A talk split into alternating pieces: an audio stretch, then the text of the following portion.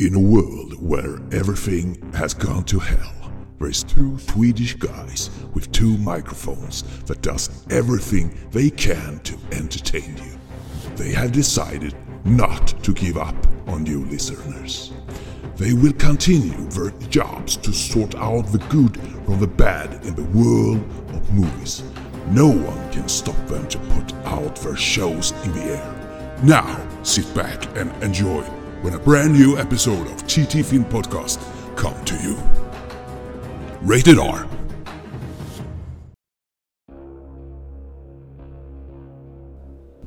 Välkommen till ytterligare ett avsnitt av TT Film Podcast. Som den här gången blev det väl våran, eh, ja, Halloweens avsnitt. Lite skräckaktigt med en liten eh, uppvärmning i början.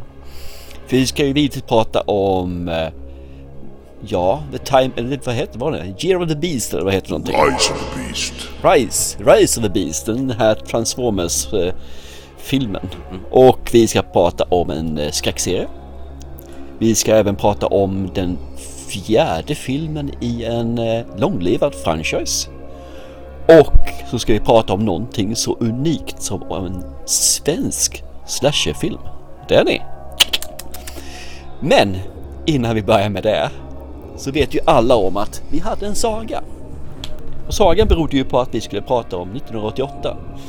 Och det gör vi inte den här gången heller av eh, vissa mystiska omständigheter. Och de omständigheterna är att det blev lite väl många filmer att prata om. Som min kära poddkollega här tyckte. Så vi kommer ihåg hur bygger man upp en franchise? Jo, första filmen blev en dundersuccé. För att den, den gör något nytt, gör gör någonting som fångar publiken.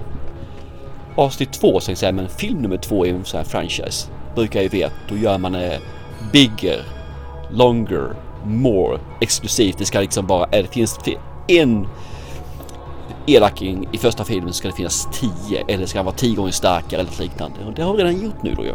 När jag pratade tio gånger så långt i förra avsnittet om det här.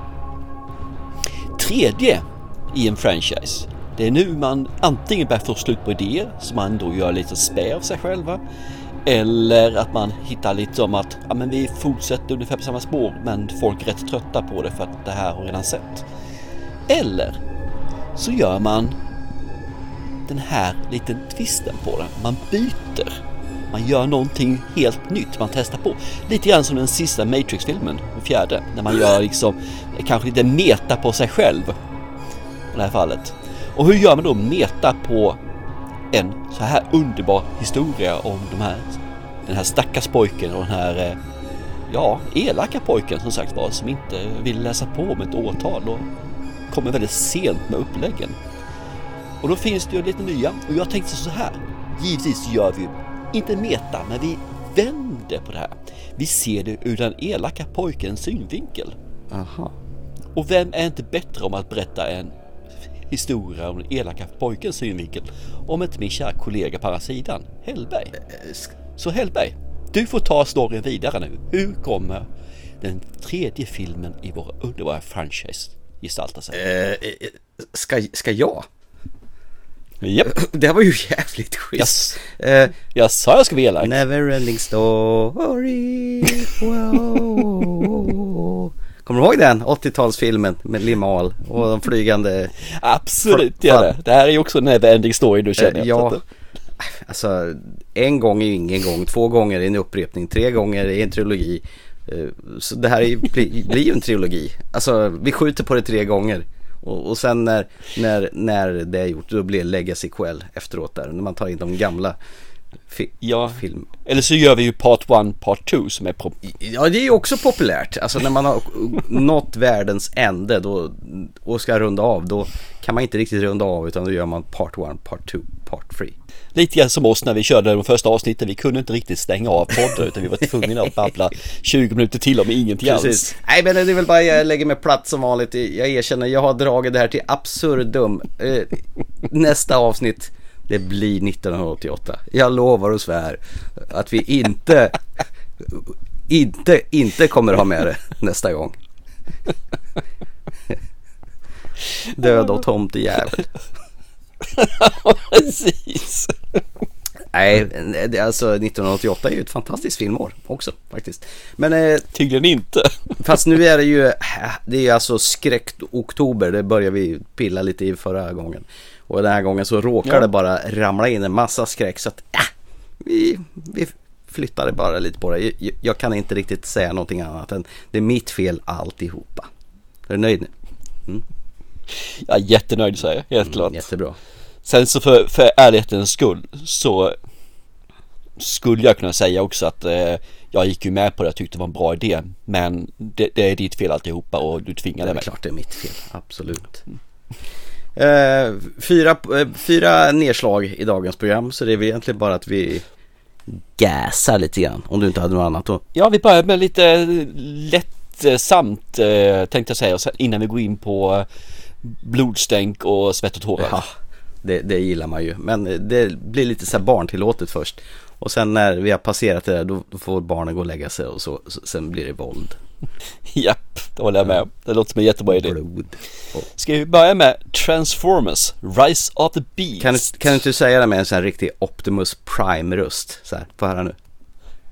Oj, hur låter Optimus Prime? Rise of the beast. Nej så låter han inte heller utan han har en jävla pondus. Transformers, väldigt mäktigt Ja, där. riktigt mäktigt. Nästan att man får gåshud varje gång Optimus Prime pratar. Fan i mig. Nej, jag, jag, jag, jag lägger mig platt på den saken ska jag erkänna. Då känner jag att jag, jag är inte man nog för det. Optimus Prime. Earth has never faced anything like this. Your world will die. Feel all those things. If we are to die, then we will die fighting as one. Transformers Rise of the Beasts. Only in theaters June 9th. Eh, jag såg den här för en vecka sedan och jag kan ärligt talat inte riktigt tala om vad den handlar om. Så du får gärna ta den. här. Ja, jag kan försöka. Ska jag, Jag gör det. Lycka till. Den är, den är liksom i sin enkelhet är den väldigt avancerad.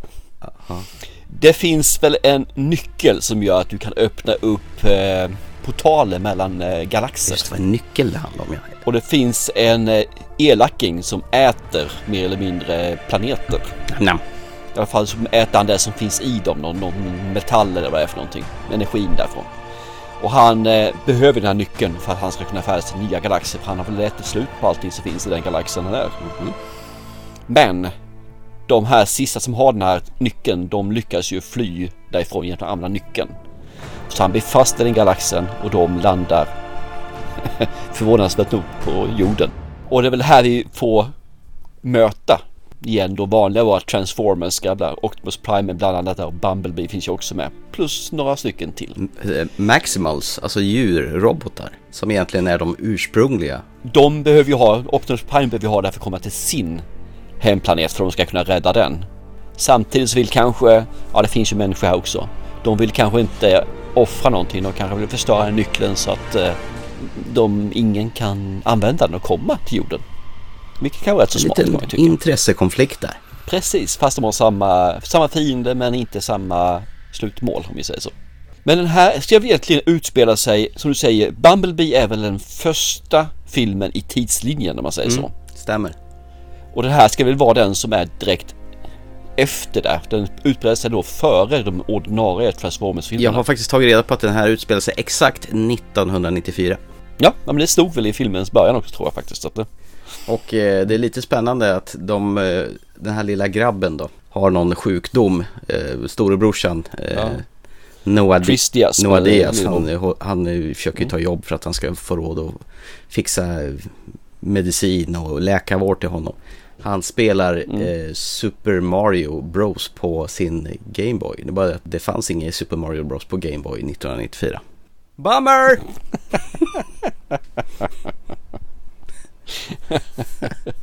Ja, den- den, brydde inte jag mig så mycket om. Jag fångade inte den heller för jag spelade ju inte det så att... Alla, Men, ci, ja. Citatmaskinen Bumblebee, de eh, fångar det upp i alla fall då. Ja, ja, absolut. Han kör ju sina radiogrejer där för han har ju ingen egen röst, Bumblebee. Har han aldrig haft. Så det blir proppat med filmcitat. You can't handle the truth. I'm here to kick ass and chew some bubblegum. And say hello to my little friend. Ja, nej, men jag tycker Bumblebee är lite små kul så sätt med just de här referenserna till filmer. Det tycker jag om i alla fall. Däremot tycker jag Octopus Prime är ju som alltid tight ass. Liksom så Ja, att- vilken röst alltså. ja men det har han, det håller jag med om. Det är som pondus. I am Optimus Prime, leader of the Autobots. We have gained an ally in our battle against the forces of evil. Forces too powerful for any of us to defeat on our own. But together, we might just have a chance. Ja, men det, det, ja, jag tycker om det också så sätt. Ja, börja. Vad, vad, känner du för filmen? Jag säger så här att jag har sett tidigare två och en halv eh, Transformers-filmer från början. Jag såg den där första med Shia LaBeouf som Steven Spielberg var med och i och för sig har nog Steven Spielberg varit med och producerat alla de här. Jag tycker man ser hans namn flimra förbi i vilket fall som. Och Michael Bay är ju han som eh, egentligen har dragit igång hela den skiten. Och den första tyckte jag var rätt underhållande, något lite för lång kanske. Och sen den andra, den stängde jag av. Alltså robotar som slår på varandra och slår på varandra och slår på varandra, det tar aldrig slut. Men sen kom ju den här Bumblebee här för några år sedan. Jag hoppade över resten av de här filmerna som kom där. Och Bumblebee tyckte jag var lite trevlig. Att det var så här, utspela sig i, i slutet av 80-talet och det var ju mycket sån musik och grejer.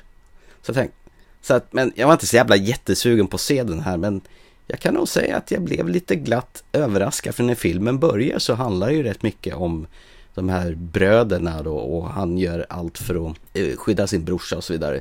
Och sen blir det den här clashen med de här stora robotarna och vi får de här eh, nya eh, djurrobotarna då som i form av en, en örn, en gorilla och, och gorillan det är ju faktiskt Hellboy, eller vad heter han? Han som spelar Hellboy som pratar. Eh, Den ur, Ja, okej. ursprungliga Hellboy. Och sen har du ju, vad heter hon? Som är den här eh, örnen. Alltid, Michelle Yeoh, hon är ju alltid trevlig att lyssna på Precis. och se. Ja, hon har fin röst. Det har Ja. hon. Jättefin Ja. röst. Och sen är det lite globetrottande, de är i Peru och har sig och så det känns ju lite Indiana Jones-aktigt med lite så här tempel och man ska öppna golvgrejer och det till och med de nämner väl att, att det känns väldigt Indiana Jonesigt i filmen så det blir lite så här meta så.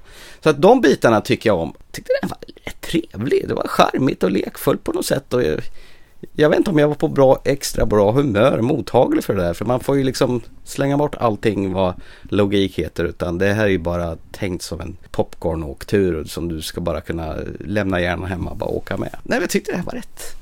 Det, var- det, det var rätt harmlöst men ändå rätt så underhållande faktiskt. I all sin dumhet. I all sin dumhet. Ja, men bra uttryckt. Men det är ju rätt snygga grejer när de, håller, när de förvandlas de här maskiner och bilar och Porschar och lastbilar och allt vad det nu är. Det är rätt snyggt faktiskt. Nej men jag kan hålla med. Jag tycker det är lite trevligt när man har den här uppbyggnadsfasen. Mm. När eh, han ska då ta jobb som vakt och han har den, Noah Diaz då, brorsan. När det är ganska minimalt. Det är inte så vräkigt där än så länge. Eh, jag tycker däremot att eh, Elena, hon som är den smarta personen i filmen om man säger så. Hon är ju mycket, mycket mer eh, likeable tycker jag. Jag tyckte ju om hennes karaktär. Hon fick för lite plats tycker jag. Tycker man, eh, hon är en bättre skådespelare tror jag än Anthony Ra- Ramones. Ja men det är hon nog. Och det, det hade varit bättre att hon hade haft hans roll egentligen. Det hade varit mycket trevligare. Mm. Eh, sen så tycker jag att han ska vara en eh, ledare, han ska vara en strateg och det enda han är den här Optimus Prime det är att han är skyller på sig själv. Ja det är mitt fel att ha så långt fel. Åh vad dum jag var. Åh det är mitt fel. Åh det här och sen så vilket peptalk han gör till sina medlemmar. Det är de som höjer upp honom. Nej men tänk inte på det du. Det här blir bra vet du. Och, så. Och, och jag blev bara, vad fan, hur kunde han bli ledare? Han ska fan på en sophämtare eller en städare istället. Han kan vara den här lastbilen och köra oljefat. Låt de andra göra det. Och så har man det här som möter sin det här evil eh, guy första gången och de blir ju sopade med mattan. De har ju inte en suck mot honom. Allt de skjuter mot honom så bara skakar han av sig och sen så sopar han i mattan med vad de gör så sprutar det delarna från dem nu.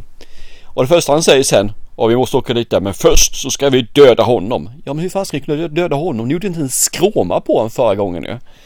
Ingen ny idé, ingenting som ska göra att ja, vi måste göra det här först för att det andra ska kunna fungera. Nej, nej, nej, nej. Alltså jag, jag blir lite trött på det faktiskt. Jag tycker också som du säger, det är ganska snyggt när de förvandlas och så här. Eh, men det har man sett förut, inget nytt. Och den här filmen är håligheternas håligheter när det gäller storyn alltså. Det finns ingen rim och reson överhuvudtaget och det, det känns som att man slår knut på sig själv när man ska försöka förklara saker och ting. Och få ihop det med de övriga filmerna då som ligger tidslinjemässigt efteråt. Så nej, jag är inte imponerad av den här. Jag tycker faktiskt den har är skitdålig rent ut sagt alltså. Oj, så. För att vara en Transformers. Jag har ju sett tror jag mer eller mindre de flesta av de här. Det är inte min, det är inte min eh, typ av serie ska jag erkänna heller, eller franchise det här. Men jag tycker en del är lite småkul. Men nej, eh, jag tycker faktiskt att det här är stereotypmässigt är liksom eh, Vi nämnde det förra gången vi pratade att det kunde ha gjort en AI och den här skulle också kunna ha gjort en AI mer eller mindre. Fast man då häver dit några nya djurvarelser helt plötsligt som ska ha sig gömda här i flera tusen år utan att ha sett dem. De är jävligt duktiga på att hålla sig gömda. Nej, nej jag får inte ihop det här. Det, det, det blir för mycket och för mig går inte det här bra. För jag kräver mer av ett manus än detta. För en sjuåring, för en elvaåring så kanske det här är godisbutiken som eh, finns där. Mm. Men för mig så funkar inte det här. Det, det är för mycket som pratar mot sig själv. De bryter mot sina egna regler för ofta. Det här kan jag inte överhuvudtaget eh, sälla mig till din skara och säga att det är mysigt. För jag blev irriterad på den och förstörde nog lite grann för min kära flickvän också med alla kommentarer jag gav honom. Hon var faktiskt med också och gav kommentarer på det också så hon tyckte kanske inte det här var så bra heller egentligen. Okej. Nej, det är, är synd att säga men ja som sagt för en sjuåring, en elvaåring som det här nog tror jag är målgruppen. Mm. Då fungerar det nog, absolut. Och så har man då introducerat några stycken till nu som är då bis, så du kan sälja sådana leksaker också. Ja, men det är Hasbro är ju med och eh, producerar den här. Det, det här är Mm. ju säkert en guldgruva för dem att sälja mer leksaker förstås. Definitivt, både lego och andra saker liksom. Här finns ju mycket som Ja. helst. Nej, alltså normalt sett så skulle jag nog tycka att det här var riktigt jävla crap dåligt. Men jag blev lite förförd att de var och globetrottade lite här och var. Och sånt där gillar ju jag när de är på olika platser. Det blir lite så här äventyrsmatiné. Alla Indiana Jones. eh, Ja, nu ska vi inte prata om Indiana Jones för den sista filmen var skitdålig men. eh, Ja, nej, ja, nej, men jag var väl på har förlåtande humör. Jag tänkte inte så mycket på vad som hände men det är som du säger. Pep talk from Optimus Prime. Nej, vi, vi åker på däng men vi ska döda den jävel i alla fall. Vi löser det på något vis. Precis. För fan, inte så noga. Vi kör. Ja, det, såg du förresten eh, scenen på den? här? Eh, ja, men det gjorde jag. Men jag kommer banne mig inte ihåg vad det var för Nej, någonting. det verkar som de vill mergea ihop där med en annan eh, franchise. Ja, okej. Jag kommer mig inte ihåg. Ja, men det får vi ta av Det finns ju fler leksaker som man kan göra film på. Så. Och så kan man ju, samman, så kan man ju sammanstråla de två leksaksprodukterna till en och samma. Ja, vi ska inte säga mycket mer än så just nu för de som ska se filmen. Om det är någon som fortfarande vill se det, vi har nog skrämt bort alla potentiella kunder. höll jag Ja. säga. Jag tror att de som tänkte se den här filmen ser nog den i alla fall. Ja. Och de som har barn som älskar de här kommer definitivt se den nu. Och jag tror faktiskt som jag sa, sjuåringar, elvaåringar kommer nog älska den här filmen alltså. För det, den har alla de elementen som jag tror behövs för att det ska gå hem hos dem. Ja men eh, då känns det som att vi kan ju lägga den här filmen åt sidan och gå vidare. Den finns hur som helst nu eh, aktuell på streaming, DVD Blu-ray och alla möjliga plattformar som, Japp. som går att titta på. Och det är proppat med extra material på den här om man vill djupdyka i det här. Hur, hur man tänkte när man eh, gjorde sceneriet, hur allting skulle likna 1984. Och när de båda Twin Towers fortfarande står där och musiken stilen och de här blundrarna. Att man eh, låtsas att man spelar på Game Boy och Super Mario när det inte fanns 84. Men whatever. Mm.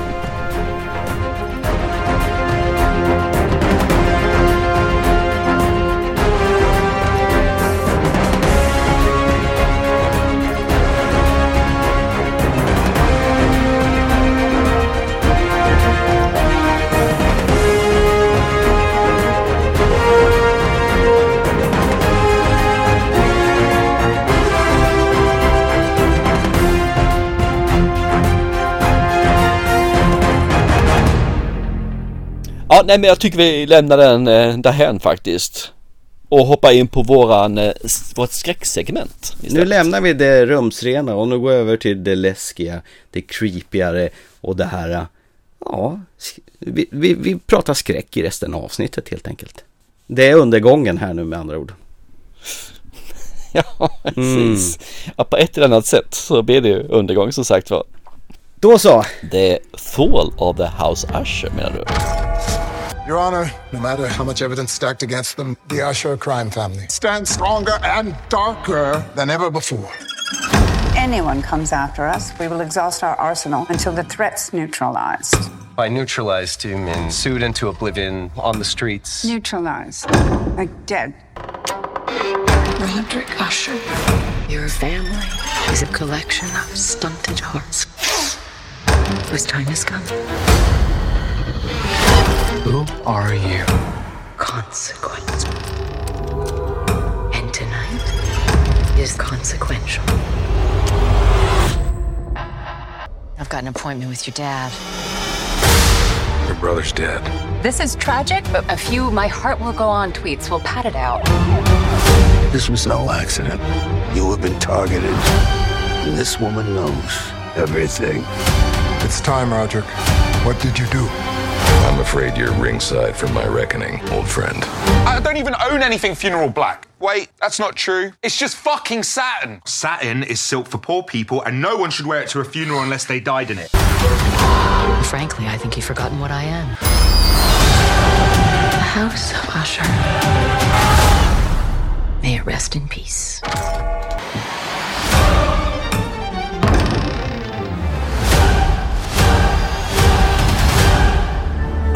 Visste du att det här är baserat på en eh, novell av Edgar Allan Poe?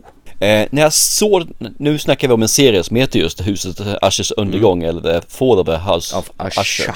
När jag tittade på den här så fattade jag att det var mycket Edgar Allan Poe för det var ju mycket, mycket referenser där. Mycket korpar. Eh, men nej, jag visste inte att det var, vad heter det, för det här är ju egentligen en av hans berättelser även om det bara är löst baserat. Det är mer en tribute tror jag än egentligen en filmatisering av Vi den. kan säga så här att, vad ska man säga, varje avsnitt är lite dedikerad till en av, eh, vad heter det, eh, Edgar Allan Poes historier som de har lyckats baka in i Mm. varje avsnitt. Ja, då, och alla namnen på de som är med här också, i alla fall bland i familjen Usher har ju någon hänvisning till hans eh, verk och något slag. Så man gör anagram på, ett namn så blir det Raven och så, och så vidare. Och så det är vidare. så underbart. Var en jävligt bra film med eh, John Cusack som heter The Raven som kom för ett gäng år sedan, minns jag. Som Mm. var baserad på. Edgar Allan Poes historia. Den här för mig var jävligt bra. Den ska man fan se om faktiskt. Ja, men den var bra. Men aktuell på Netflix The Fall of the House of Usher och, och alla som vet att Mike Flanagan gör en ny skräckserie då jublar man ju inombords och blir alldeles så här Och då, de kommer ju alltid så här års, runt oktober när det är dags för lite skräck. Och han verkar ha blivit någon sån här Mm. household name på Netflix att han får göra en, en ny skräckantologiserie per, eh, per, per år ungefär har det nästan varit. Ja, för det är kul för han, han verkar ju ha det här med skräck är ju hans grej liksom. Även när han inte gjort det här så har han gjort eh, Dr. Sleep gjorde han ju också här 2019 vilket är ju en fantastiskt bra film. Baserat på Stephen Kings Geralds Game då är ju från 2017. Också Stephen Jättefin King. också. det. Exakt. Japp. Eh, och det börjar ju med eh, första serien var det The Haunting of Hill House som jag tycker är helt underbar. Som man följde upp med Mm. The Haunting of Bly Manor. Och så gjorde han den här Black Mass och Midnight Club och nu smackar han till med den här då. Har du sett alla hans tidigare verk? Eh, Jag har inte sett Midnight Club, jag har inte sett Midnight Mass heller. Nej, Midnight Mass tycker du ska se, den är ju helt fantastisk. Den också faktiskt. Ja, Har man sett alla de här så då känner man ju igen skådisarna från eh, The Fall of House of Usher. Mike Flanagan verkar ju vara en sån där som åter, gillar att återvinna sina skådisar. Bland annat Henry Thomas eh, som är lilla ET i, han är inte lilla ET, han är Elliot i ET. Mm. Eh, men han har ju hängt med sen starten. Jag tror han även var med i Dr. Sleep på en sväng också. det är mycket möjligt. Det är så att säga att han, han återanvänder många skådespelare som han gör. Definitivt. Han som, eh, vad ska jag säga, patriarkatet i den här filmen, Roderick Usher, Bruce Greenwood. Det är han som är Gerald i Geralds Game. Precis, stämmer. Som är taskig mot sin kvinna och låser fast henne i eh, sänggaveln och inte kan komma loss. Alltså Carla Guino.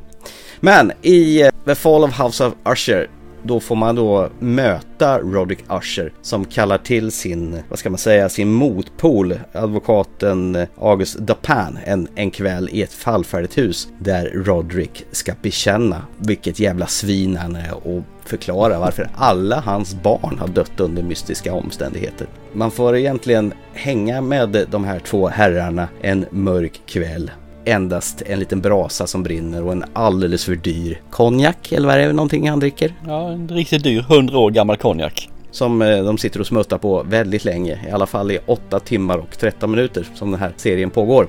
Roderick Usher, han driver ett läkemedelsföretag. Han har ju väldigt karriärssugna barn och det visar sig att någon av de här barnen är någon slags informatör, så han någon av dem läcker information till eh, andra advokaten August Dupin eh, verkar få info som han inte borde få. Och så han sätter ut en eh, belöning på en jävla massa pengar. Det var det 50 miljoner någon, en av dem skulle få om de talade om här och nu vem informatören är. Och sen kastas vi fram och tillbaka i tiden när Roderick Usher och hans syster är unga. Sen får man eh, se hur hans barn dör och varför de dör. För det är ingen spoiler, barnen är döda redan från början. Det är det första som berättas. Det är bara det, vägen dit, det är det som är intressant här. Och i det här fallet så är det verkligen vägen dit som ska vevas upp.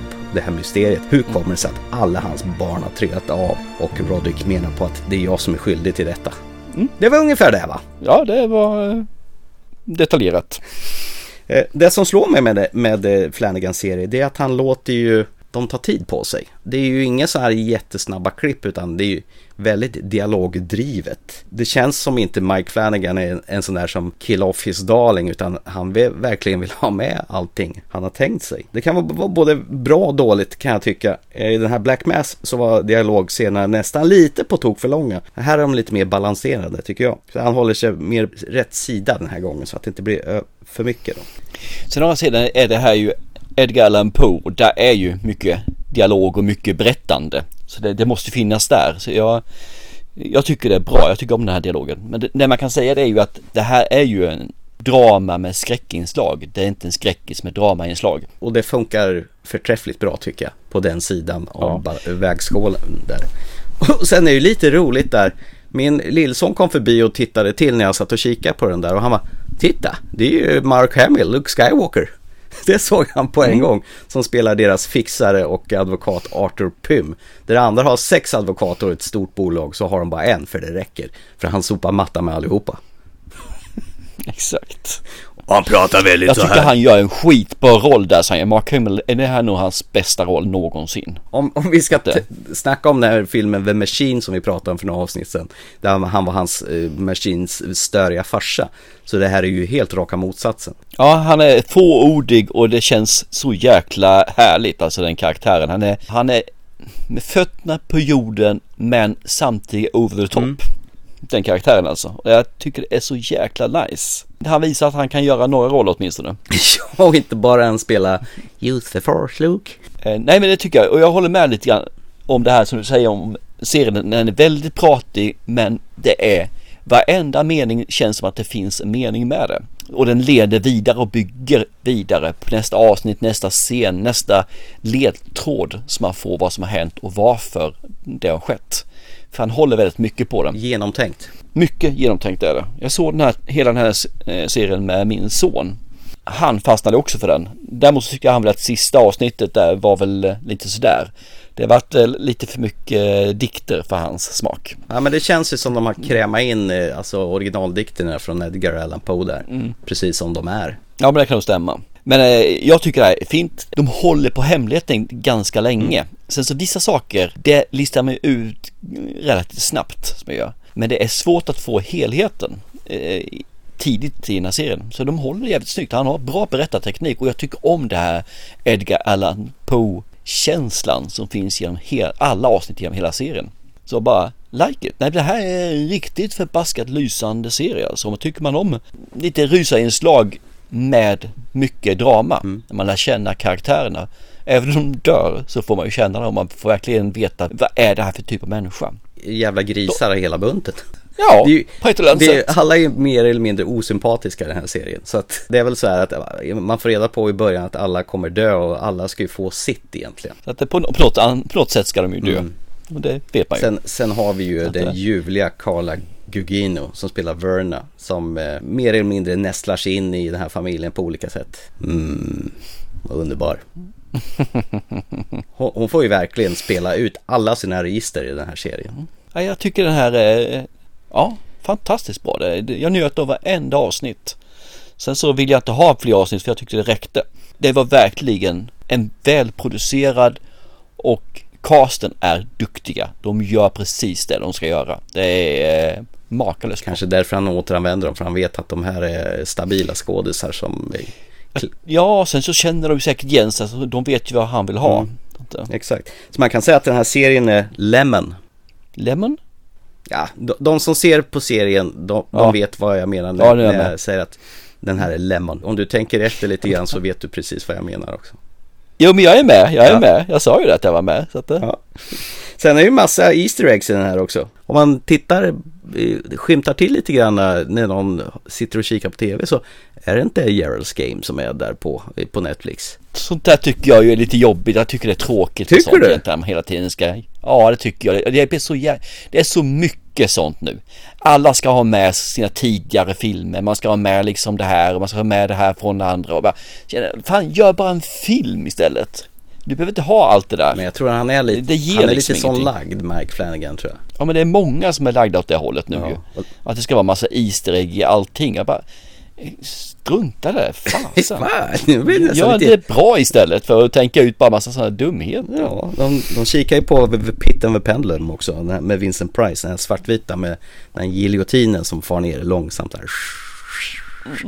Mm. Ja. Mm, Nej, jag kan säga att det här var ju, det här är den bästa serien som har gått i år faktiskt. Jag tycker det här är helt magiskt bra. Alltså, du sa att du hade bing-watchat det här. Ja, jag har bara ett avsnitt kvar, men fan hann du med det? Och sen tänkte jag, ja, ja, jag, jag sätter igång jag också. Jag har ju varit hemma och varit risig här i veckan, så jag har, jag har haft lite förspänt att liksom bädda ner mig i, i soffan och satt på en kopp te och tände lite ljus och sen har jag bränt av det hela också. Det, man ser ju hela det med fördel i ett svep det här. Det, den här tåls ju att bing-watchas. Och man vill ju bara se, vad händer sen då? Lite mer. Jag vill bara se vad som händer. Och sen sluta varje avsnitt med bara BOOM! The Fall of House of Usher. För, så att jag när kommer förtexterna? Nej, kommer alla förtexter? Utan titeln kommer i slutet på varje avsnitt istället. Det är coolt. Effektivt. Jag tycker det är trevligt faktiskt. Effektivt som Ja. fan. Ja, men vi verkar vara ganska överens här. Väldigt överens ska jag säga.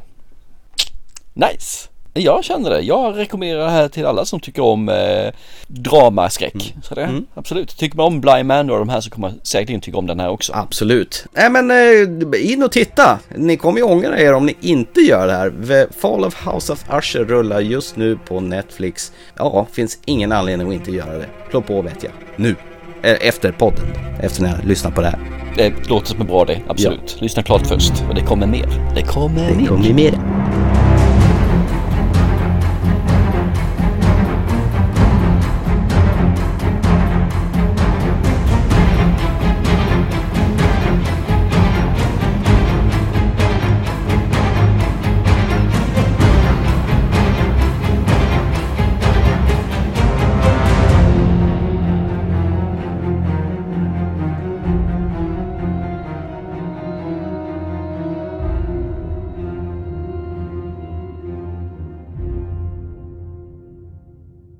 Ska vi fortsätta då? Från tv-serie till skräckmediumet. Insidious.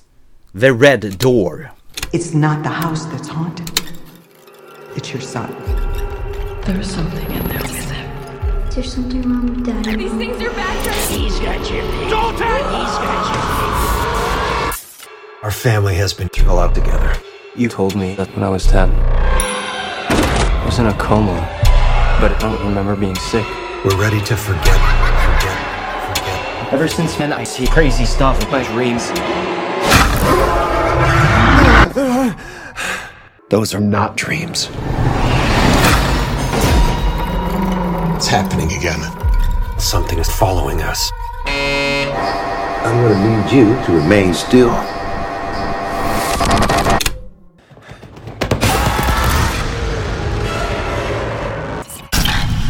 The riskier the journey becomes. Och vet du vad? Det fanns fyra stycken Insidious-filmer förutom den här. Insi- Mm, det här är fjärde Det va? här är femte egentligen. Okej. Ja, det finns, finns det någon prequel eller? Det finns Insidious, Chapter 2, Chapter 3 och sen finns det en som heter Insidious The Last Key som är någon slags prequel till Insidious. Mm. Och eh, nu kommer den här eh, The Red Door. Men den, eh, tuffar väl vidare på de här vanliga filmerna. Chapter 1, Chapter Mm. 2 och Chapter 3. Har du sett allihopa förresten? Nej, jag har sett ettan och tvåan bara faktiskt. Ja, det är nog samma här också faktiskt. Men det kändes inte som att eh, på något vis att man hade tappat någonting för att inte hänga med i den här. Det jag kommer ihåg från ettan, för ettan har jag kommit ihåg att den tyckte jag var en habil skräckis. Och det som jag tyckte var så jäkla bra med tvåan sen är att man fick se det från en annan synvinkel. Så att det var vissa dörrar som slog igen, det var vissa ljus som blåstes just ut och sådana saker. Och i tvåan så fick man se varför och av vem som det här skedde. Hur det skedde och så, här, så man fick en förklaring till det. Och det tyckte jag var så jävla nice. Det där kan nog därför som inte jag har sett de andra för jag kände att det där var så jäkla bra kompletterat som etta och tvåa så det behövdes ingenting mer. Det är nog en anledning till att jag inte har sett de andra filmerna. Ja, jag hörde någonstans att trean är sisådär eh, men eh, ja, är man fan av franchisen då ska man ju naturligtvis se på Insidious Red, Red Door. Vad händer i bakom den röda dörren då? Eller framför dörren eller innanför dörren? Eller? Ja, precis. Om vi tittar på Insidious, The Red Door. Vi, vi kör den här tänkte jag som en standalone film med tanke på att jag inte har sett trean. Så får vi se på det viset. I det här fallet så börjar vi egentligen med ett avstamp med, ja jag kan tänka mig att det är från just trean.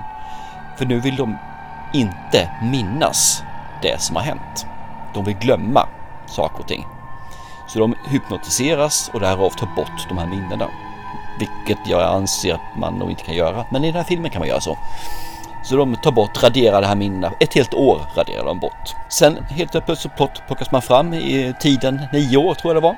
Sonen i det här fallet ska då börja på college. Hans pappa har väl varit lite off där under hela den här perioden. om Man säger så lite disträ, lite luddig i sinnet. Men de gör i alla fall en eh, resa till college där de ska knyta an. Vilket väl går sådär om vi säger så.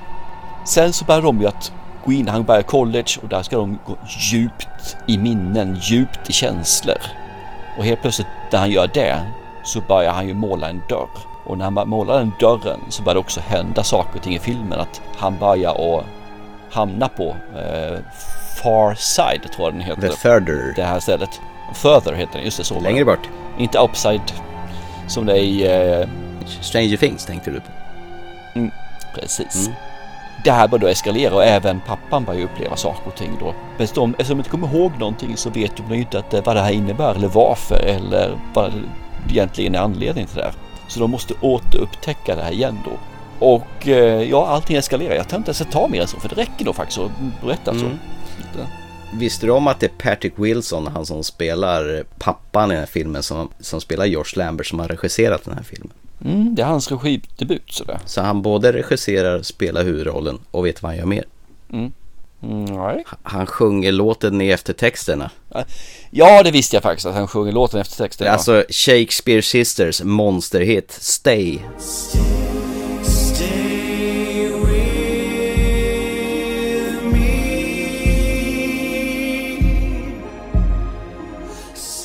Den låten är ju svinbra och här kör han någon sån här lite rockigare varandra tillsammans med bandet Ghost och det är han som är lead singer där. Han både regisserar, han spelar huvudrollen och han ska fan sjunga soundtracket också. Han har hybris! Ja, han fick ju frågan och han tyckte väl absolut och så vill han ha med så många som är med i ja, originalcasten ska ju vara med här också.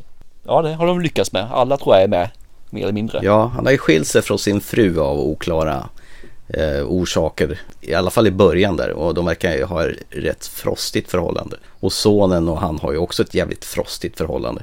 Frånvarande pappa, ja. Ja, när man kör, tittar på den här filmen. Jag, jag tycker ju konceptet är, är jävligt trevligt med det här att man hamnar liksom i en annan dimension. Eh, jag älskar den typen av konceptet, vilket gör att Insidious är ju min kopp med te.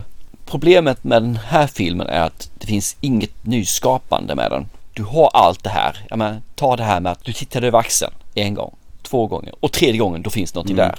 När du ska sitta under sängen, en lampa som blinkar så rättar du till på ena och på andra sidan, ja då händer det någonting. Det, så här. det, är, det blir liksom jamskarsen blir ingen jamskars för att jag vet redan att det kommer bli det. Och det är liksom det här stereotypa hela tiden alltså. Det, Fasen, gör någon. Jag kommer ihåg den här filmen förresten som heter Winchester. Ja, just det. Den ja. Mm.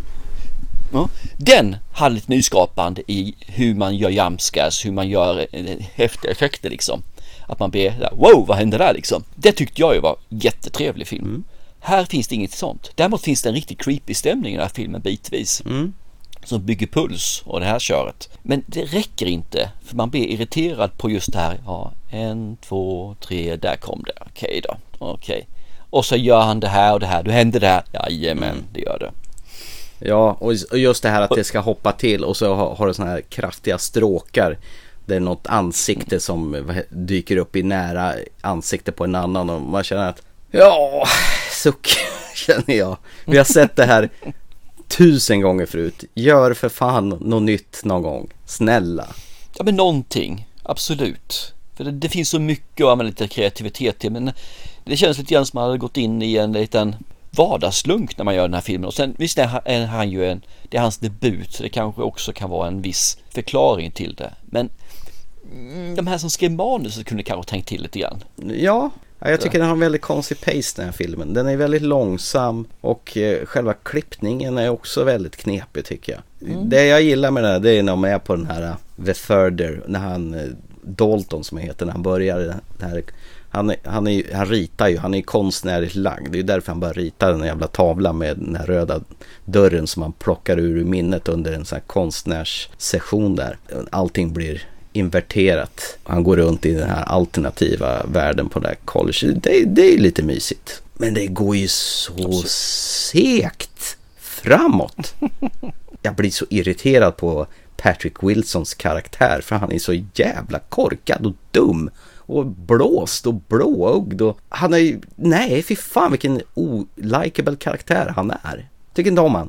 Tycker inte alls om. Nej men jag kan hålla med där också som sagt för att eh, han, är, han är inte den eh, intelligentaste. Det är han inte. Och jag vet inte om man ska framstå som en bra familjefarsa. Det är han ju verkligen inte. Nej men det ska han ju inte göra. Inte på det viset. Men det, det är faktiskt den jag tycker var lite som bräckte av lite grann med sin karaktär. Det är ju hon eh, Sinclair Daniel. Och Hon som spelar hans, eh, ja ska man säga, temporära rumskompis där. Chris Winslow. Hon livar ju upp den här filmen. Det är annars ganska döda pulsen i den här filmen. Men utan henne så skulle ju den här vara som ett jävla valiumpiller. Ja för Dalton är ju bara Emo. skittråkig. Sur. Ja, emo och tråkig. Och Patrick Lambert då liksom, eller Josh Lambert menar jag. Ja. Han är ju bara, ja, allmänt trög. Och då är det kul med en som har lite humor, lite eh, spexigt och sådär. Ja. Som hon har då, Chris Winslow. Win, Winslow, Ja. precis. ja, hon är skön. Så att, mm. I, I, I like that. Eh, filmen i sin helhet är väl inte dålig så sett. Det är bara att jag är lite trött på att man gör på samma, samma, samma, samma hela tiden alltså. Men jag kan tänka mig de som ser det här för första gången och de här som då är hardcore fans när det gäller Insidious. De tycker säkert det här är skitbra. Mm. Ja, men vi, vi brukar ju alltid säga att vägen till slutet är väl det som är, under, det som är behållningen här. Men slutet var ju så katastrofalt dåligt som man, alltså jag ville slänga ut den där Blu-rayen ut genom fönstret och hoppa sönder den för det var så jävla dumt så klockorna stannar.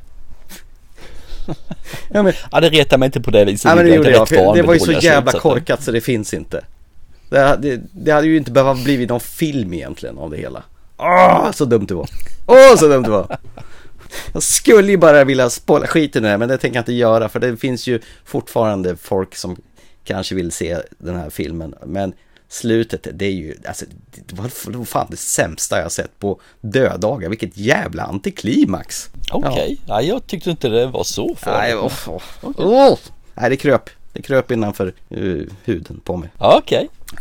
Ja, nej. Det var lite känsligt Ja, jag tycker att det här var genuint riktigt klappruttet. Det enda positiva med den här filmen, det var som du sa, Sinclair Daniel som spelar den här härliga, positiva Chris Winslow. Utan henne så hade den här filmen varit jävla sömnpiller. Ja, hon livade upp den lite grann, men det behövs ju också i alla sådana här filmer att det finns någon typ av mm. comic relief-ish. Ja. Då, Sen naturligtvis måste jag ha, vad heter det, Lynn Shane med som Elsie Rainer. Hon har väl varit med i alla de här tidigare filmerna. Ja men det har ju de flesta här som ja. förutom då egentligen vad heter det, Sinclair Daniel. Det är väl hon som har kommit till den här familjen och ska försöka lära dem om den här andra sidan och så. Men hon, mm. får, vara, hon får med en liten roll här också. Ja, alla får en liten roll som sagt. Ja, nej, jag tyckte inte det, allt det här var bra. Det här var tråkigt, det var oengagerande och det har gjort på hundra gånger på dussinet och skrämseleffekterna börjar bli jävligt sömniga. Den borde heta Insidious the, the Sleepy Door. Nej, och sen så är jag lite trött på just det här att det ska vara jumpscares. Att när man gör en, man gör en rysare, mm. man gör en skräckfilm. Ja, då ska det vara jumpscares. Och jag bara känner bara, nej, det måste du inte. Du kan bygga på känsla, du kan bygga på creepigheten, du kan bygga på det här eh, lite subjektiva. Mm. Alltid ska vara så rättframt. Men det kanske, återigen, det är byggt för yngre folk och då har du attention span 15 minuter max. Händer ingenting med det så tröttnar man och stänger av. Eh, precis, Mike Flanagan är duktig på det där.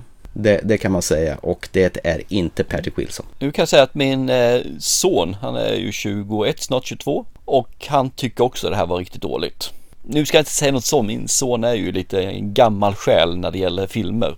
Han tycker om de äldre filmerna. Men eh, fortfarande får han representera den yngre generationen kan jag tänka mig i det här fallet. Ska vi rekommendera det till någon i halloween-tider eller ska man hoppa över Insidious Red då? Jag tycker nog att de här som är yngre människor som kanske inte har sett jättemycket mm. på skräck så tror jag det här eh, fungerar. Ja, lite softcore. Ja, men det, det är lite grann åt det hållet. Mm. Det är liksom de som är hardcore och har sett väldigt mycket kommer ju säkert känna som du och jag. Om man då inte har följt med på Insidious-tåget. För, för då tror jag att de här tycker det här är jättebra.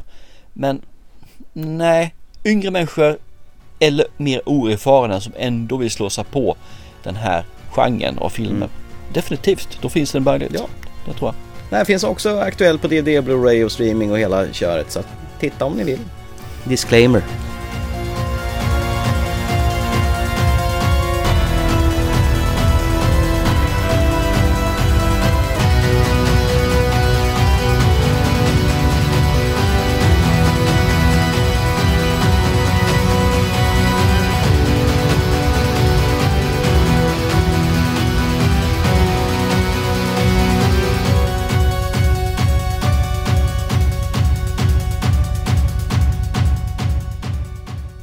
Då så, ska vi gå över till kvällens sista skräckis eh, som är svensk. Ja, precis. Eh, det här är också orsaken till varför 1988 inte blev omnämnd idag.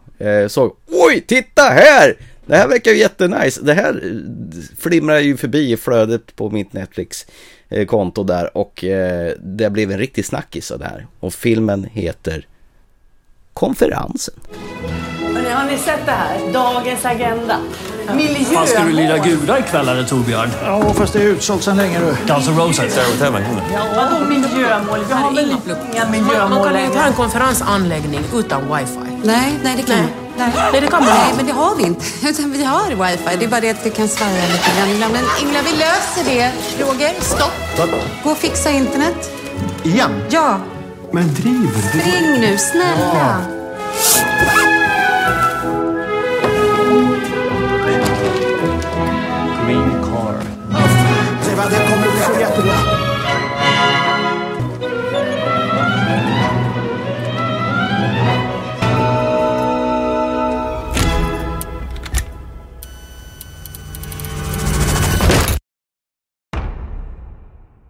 Regisserat av en Patrik Eklund. Jag har ingen aning om vad han har gjort tidigare. Men filmen är tydligen baserad på en bok med samma namn.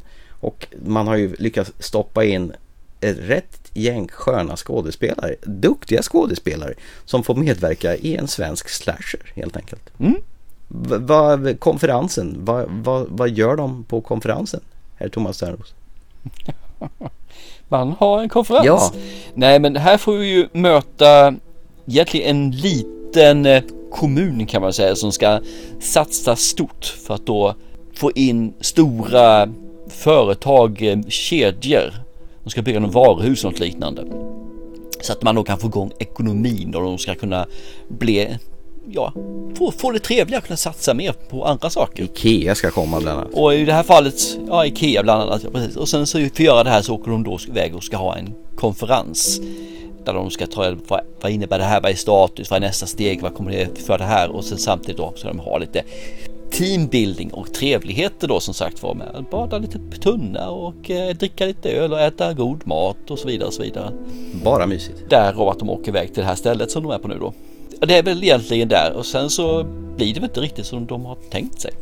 Det börjar väl kanske någonstans eh, misstänkas att eh, det här projektet inte riktigt har rent mjöl i påsen och vissa av de här på företaget inte är så jäkla trevliga alla gånger. Nej, det är väl knappt någon som är trevlig mot varandra. Nej, det, det är populärt att göra filmer med osympatiska människor. Har du tänkt på det? Det blir mer och mer så. Jag kan säga så här att det här är väl, tycker jag, det är så unikt som att det är en eh, svensk givetvis.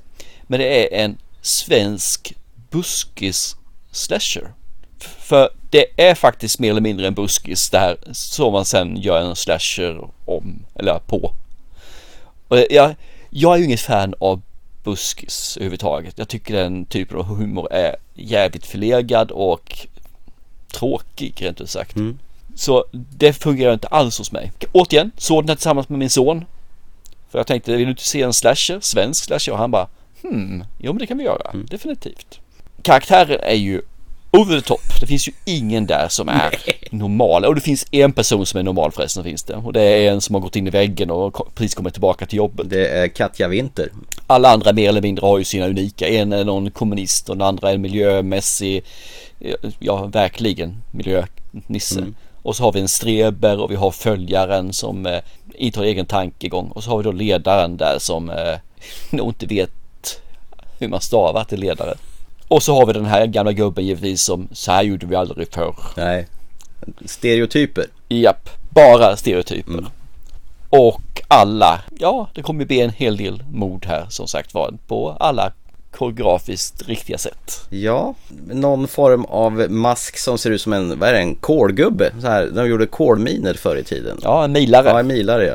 en milare. Ja, dra på, han ser, ser jävla creepy ut den där masken faktiskt. Med sån här äckligt flin och sån här mi, kolmilar-keps. Ja, äckligt. Verkligen så här. Det här, här är ju, tycker jag, nog den bästa svenska film jag har sett på skitlänge. Det här är skithäftigt sådär Ja, alltså. utveckla, varför tycker du det? För det första så, just det här med buskisgrejerna. Det, det passar så jävla bra ihop med slashen sen. För man blir rätt glad när vissa av människorna dör. Det är faktiskt jävligt nice. Och det, det höjer upp där utav helsike. Och sen blir jag rätt förtjust i karaktärerna. Även de här som man verkligen hatar. Så blir jag lite småkär i några av dem faktiskt. Jag känner, ta den här streben till exempel. Han är ju Jonas. helt fantastisk. Ja, elak och egoistisk och hela köret. Men jag tycker om honom Ja, som karaktär. alltså Adam Lundgren från eh, Vår tid nu, han är ju helt fenomenal. Alltså, han passar ju som handen i handsken så här med hans glo-ugda streberstil och han är ju verkligen så här, han går ju över lik för att få det han vill ha. Och han, han, gör, det, han gör det så jävla tydligt också. Och idiot för att klara alla som inte går hans väg. Han är rolig. Ja men och det, det får man ju säga att det finns ju en hel del av skådespelarna är ju sådana man har sett förut. Eh, Kalla Vinter är ju med, för jag tittade på den här året jag slutade prestera, började onanera. The Boys är hon också med i. Ja. Du har ju Eva Melander, det är ju hon som är eh, i den här Gräns, hon som är trollet ju. Ja precis, ja då är en till ju. Och så nämnde du Adam Lundgren där ju. Precis, och sen har du Kristoffer Nordenroth som vi har sett i eh, Den blomstertid nu kommer bland annat. Som spelar, Ja, som spelar Kai. Han är med där. Och han är också så här riktig jäkla Åh, nu dricker vi öl! Åh! You can, if you can't stand the heat, put on a jacket. Han säger ju fel hela tiden på alla de här Mm. engelska referenserna som han tycker är, är balla. Man kan ju inte göra en pannkaka utan att knäcka några ägg. Omelett är det ju. Omelett, inte pannkaka. Och så har vi Bahar Pars också som är med i, eh, ja en man som heter Ove bland annat. Ja just det, det stämmer ja. Yes, och hon ska ju vara med i en film här eh, faktiskt som jag ser fram emot. Som kommer här i år också.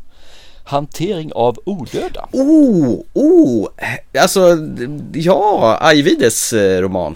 Mm, precis. Men jag tror, var inte det en norsk produktion har jag för mig? Jag läste den någonstans. Ja, så kan det vara. Ja. Men hon ska vara med i den i alla fall. Ja, för det, det har jag faktiskt tänkt på. Varför gör de aldrig film på den för? För det måste ju vara en väldigt väl fungerande filmisk hä- händelse, tänker jag. Jo, ja, den tror jag kommer bli jättebra. Jag ser verkligen fram emot den Boken är filmen. ju svinbra. Mm. Nej, så när man tittar på det där så är det ju väldigt habila svenska skådespelare. Mm. Och det märks faktiskt för att även om de är over the top Så på något jävla konstigt sätt så tror jag på karaktären i alla fall. Fast de är helt orimliga. Och det måste ju påvisa att de är duktiga skådespelare. Och det är inte det här Dramaten svenskan där vi verkligen ska prata teatraliskt. Utan de är vanliga bönder. Jag, jag, jag älskar det här. Som sagt var. Sen så är det ju jag skulle vilja ha lite mer splatter i den här filmen. Men, det är ändå en 18-årsgräns man tittar på IMDb. Men just det, det var väl rätt grisigt i den här ändå, var det inte det? Nej, Nej, det var det ju. Det, det sprutar ju armar och ben och blod och det, ja herregud. Ja, men jag hade velat ha mer, ännu mer. Att, du, du ville att de skulle skruva, skruva upp temperaturen ytterligare alltså? Ja, lite grann till hade jag tänkt. Men 21 grader är bara 21 grader, jag vill ha 27-28 grader. Ja, alltså jag tyckte det var rätt slafsiga grejer. Det som jag tycker är rätt så balt med det här också, det är att oftast när det är en sån här mördare som, som tar av eh, folk, tar dagar en efter en och sådär. Då brukar det vara så att det inte blir något riktigt motstånd. Men här är, gör de ju vad de kan för att försvara sig innan de blir mulade. Lite scream-slagsmål. Eh, jo, verkligen. Mm. Och sen mm. mördaren, när han, han åker på lite dängar och så här, sen börjar han käka Alvedon för att eh, det gör ju ont att få stryk. Det tycker jag är kul. Ja, det har du ju aldrig sett förut. Nej, det har vi inte gjort faktiskt. Nej. Det stämmer. Och sen har de ju stoppat in en jävla massa skön 80-talsmusik i den här. Du får ju höra typ eh, Karsta Stina Åkerström fråga stjärnan om när Jan Johansen ser på mig. Och det, du får se en riktigt härlig splatterscen till Niklas Strömstedts Om. Det clashar ju väldigt så här skönt med musiken och det grisiga och det absurda och det humoristiska. Nej, det, det här var ju en fröjd för att se. Alltså, jag tyckte det här var superhärlig. Jo men det, det här är riktigt jäkla nice. Mm. Det håller jag med om mm. faktiskt. Nu är jag ju svag för slasherfilmer och framförallt när man gör slasher med humor. Mm.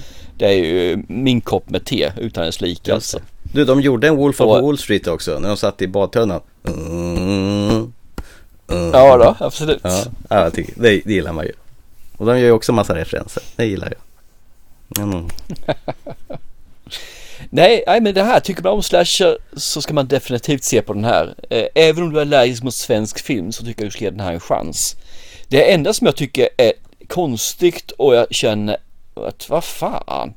Det är att den bara har 5,8 på IMDB. Ja, det är lite snålt va? Det är ändå 5000 människor som har röstat på det. Men jag förstår inte att det har varit så dåligt. Jag tycker det här är ju slasherfilmen of the year. Nej men det här var mums. Det här var riktigt mums. Klafsigt och härligt ja. och bra skådespelare. Bäst av all, alla den här, det tycker jag faktiskt Adam Lundgren med hans extremt strebiga Jonas. Han är helt magisk i den här filmen. Och stora ögon. Ja. Och sen har vi Cecilia Nilsson, hon den gamla tanten som spelar Annette. Hon är ju också bra. Hon är en sån där som man har sett i många svenska produktioner. Så man blir ju lite förvånad att se henne i en sån här typ av film. Men det är bara härligt att se seriösa skådisar ställa upp på såna här grejer. Det är ju fantastiskt. Jag tror att de vill ha lite kul de också. För de hade säkert skitkul. Ja, det tror jag säkert. Filmen alltså. Så de hade väl säkert en riktig teambuilding-grej i inspelningen av teambuilding-filmen. Ja, precis. Ja.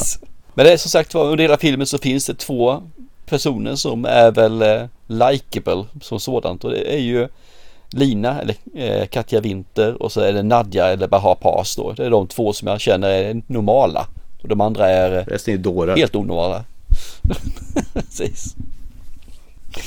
Nej, nej men det, det, här var ett lyckopiller faktiskt. Mm. I liked it. Ja. Sen gillar jag förtexterna när, när, liksom, när det står så här konferensen när filmen börjar.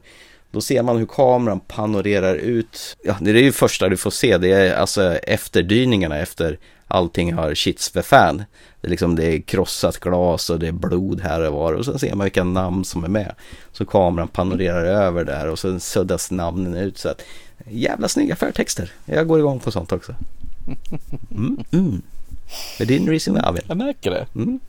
Jag tänkte säga, annars har jag inget mer att säga om filmen som sådan men jag rekommenderar den till alla som tycker om slasher. Håller långt borta från det här annars. För jag tror att då är det nog en riktigt kass film. Ja, det är väl kanske ingenting man ska titta som en romantisk film tillsammans med, med flickvännen en fredagkväll utan det här är någonting man kanske sitter och garvar med polarna. Eller i, i, i ditt fall sonen. Åtminstone folk som tycker om slasher ja, som sagt var. Som gillar gris och blod med glimten i ögat helt enkelt. Jajamän. Mm. Du behöver inte vara så sexistisk. Tjejer kan tycka om slasher också. Nej, det, det var inte så jag menar utan eh, man, man ska kanske tänka sig för vad man väljer. Man ska veta om att det är blodigt och härligt. Det är så jag menar. Ja. Ja. Gott. Ja men då tycker jag väl att vi eh, stänger ner butiken för kvällen eller? Tänkte bara göra en liten kort resumé. Vi har tittat på Transformer, Rise of the Beast. Den tyckte du var inte så bra. Jag tyckte den var rätt underhållande, konstigt nog. Vi har pratat om huset Ushers undergång eller the, Fall of House of Ushers och det var en mästerlig serie av Mike Flanagan och vi bara längtar efter hans nästa verk. Det här är Mumma, den måste ses. Båda av oss gillar den här. Och sen hade vi tittat på Insidious Red Door där regissören och skådespelaren, vad fan heter han nu, Patrick Wilson, gör allt själv. Han ska både spela, han ska regissera och han ska sjunga eftertexterna. Fy fan säger jag.